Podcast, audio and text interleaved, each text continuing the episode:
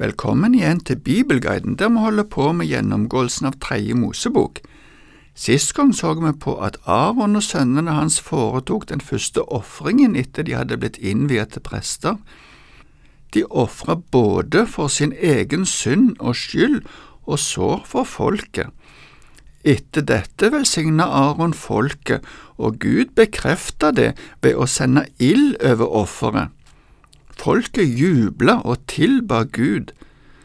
I starten på dette kapitlet ser vi at to av sønnene til Aron, som nå var innviet til prester, gjorde noe som fikk tragiske konsekvenser.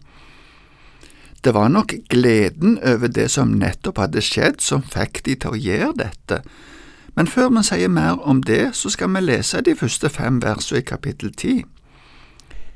Arons sønner Nadab og Abihu tok hver sin glopanne, tente ild i dem, la røkelse på ilden og bar uinnviet ild framfor Herrens ansikt. Det hadde han ikke befalt dem. Da for det ut ild fra Herren og fortærte dem, og de døde foran Herrens ansikt. Og Moses sa til Aron, det var dette Herren talte om da han sa, På dem som er meg nær, viser jeg meg hellig Foran hele folket viser jeg min herlighet. Da tidde Aron. Men Moses kalte på Mishael og Elsafan, sønner av Arons onkel Usiel, og sa til dem, Kom hit og bær brødrene deres bort fra helligdommen og utenfor leiren. De kom og bar dem utenfor leiren med kjortlene på, som Moses hadde sagt. Nadab og Abihu var de to eldste sønnene til Aron. De hadde vært med Aron og 70 eldste opp på fjellet og sett Gud. Det var i forbindelse med at pakten ble inngått i andre Mosebok kapittel 24. Nå ville de ofre røkelse til Herren som et tegn på glede og tilbedelse. Hva uinnvia ild egentlig innebærer, er litt usikkert, men det handler først og fremst om at dette offeret av røkelse ikke var i overensstemmelse med det som Gud hadde sagt. Tidligere hadde de sammen med Aron, faren deres, vært nøye med å gjøre alt til punkt og prikke, slik som Gud hadde sagt gjennom Moses. Nadab og Abihu hadde deltatt i ofringene sammen med Aron i det som vi leste i forrige kapittel, men hva skjedde nå? Noen fortolkere mener at de nå hadde blitt stolte over at de hadde blitt opphøyet til å være prester for folket, og i sin stolthet tenkte de at de kunne dyrke Gud på den måten som de sjøl fant for godt. Men her ser vi at det er skjebnesvangert. Vi kan heller ikke dyrke Gud etter det som vi syns er rett eller behagelig, fint eller koselig ut ifra vår egen bedømmelse. Det er viktig å følge Gud og gjøre det som Han sier. Jesus henviser òg til at mange skal vise til det som de sjøl har gjort, men da vil Herren si at han ikke kjenner dem, og så vil dommen komme over dem. Uansett så må vi se på det som skjedde som at det ikke var slik som Gud ville. Aron og sønnene hans kom spesielt nær Gud fordi de var innviet til prester. Derfor hadde de et spesielt ansvar for å være hellige, det vil si til å leve etter Guds ord. Nå viser Gud sin hellighet i den forstand at Gud ikke tåler ulydighet. Det som ikke ærer Gud, er ikke sann gudsdyrkelse, og derfor så blir det dømt av Gud. Moses sa at dette var et prinsipp, og det gjelder fremdeles. Jakob sier i sitt brev at de som blir lærere i menigheten, har et spesielt ansvar.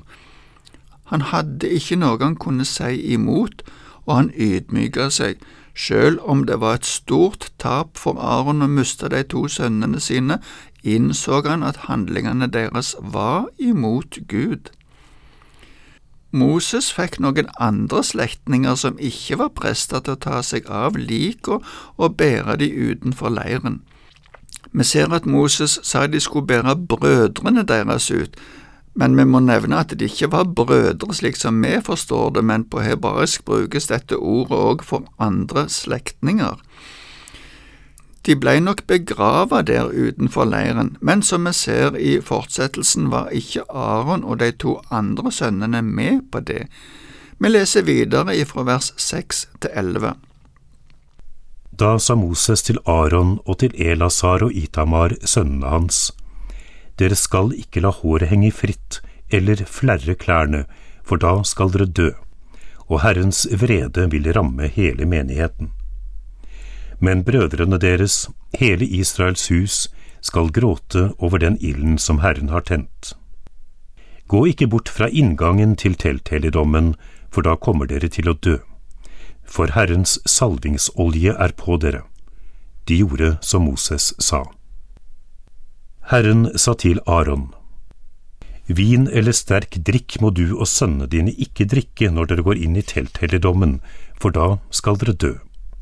Dette er en evig forskrift gjennom alle slekter, så dere kan skille mellom hellig og ikke hellig, mellom urent og rent, og lære israelittene alle de forskriftene Herren har kunngjort for dem gjennom Moses. Det å gå med uflidd hår og flerrete klær var et vanlig tegn på sorg.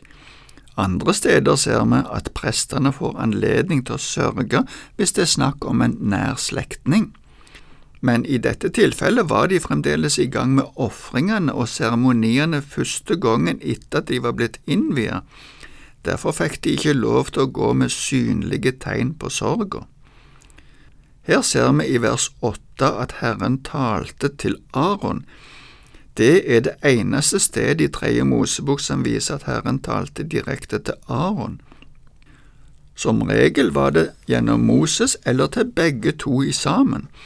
Dette påbudet handler om at det var forbudt for prestene å bli berusa. De hadde ikke lov til å drikke vin eller annen sterk drikk mens de var i tjeneste. Som sagt var de midt inne i en serie med offerhandlinger i forbindelse med innvielsen. Det neste var grødeofferet, det skulle prestene spise. Vi leser om det i fortsettelsen fra vers 12 til 15. Moses sa til Aron og til Elasar og Itamar, de sønnene som var igjen, Ta det grødeofferet som er igjen av Herrens gaveoffer, og spis det usyret ved alteret, for høyhellig er det. Dere skal spise det på et hellig sted, for det er din og dine sønners rettmessige del av Herrens gaveoffer, det har jeg fått påbud om. Brystet som svinges og låret som gis i offergave, skal dere spise på et rent sted, du og dine sønner og døtre med deg.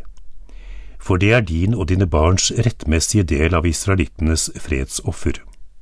Låret som gis i offergave, og brystet som svinges, skal de bære fram sammen med fettet av gaveofferet, og svinge det som et svingeoffer for Herrens ansikt. Det skal være din og dine barns rettmessige del for alltid, slik Herren har befalt. Noe av dette skulle spises ved alteret.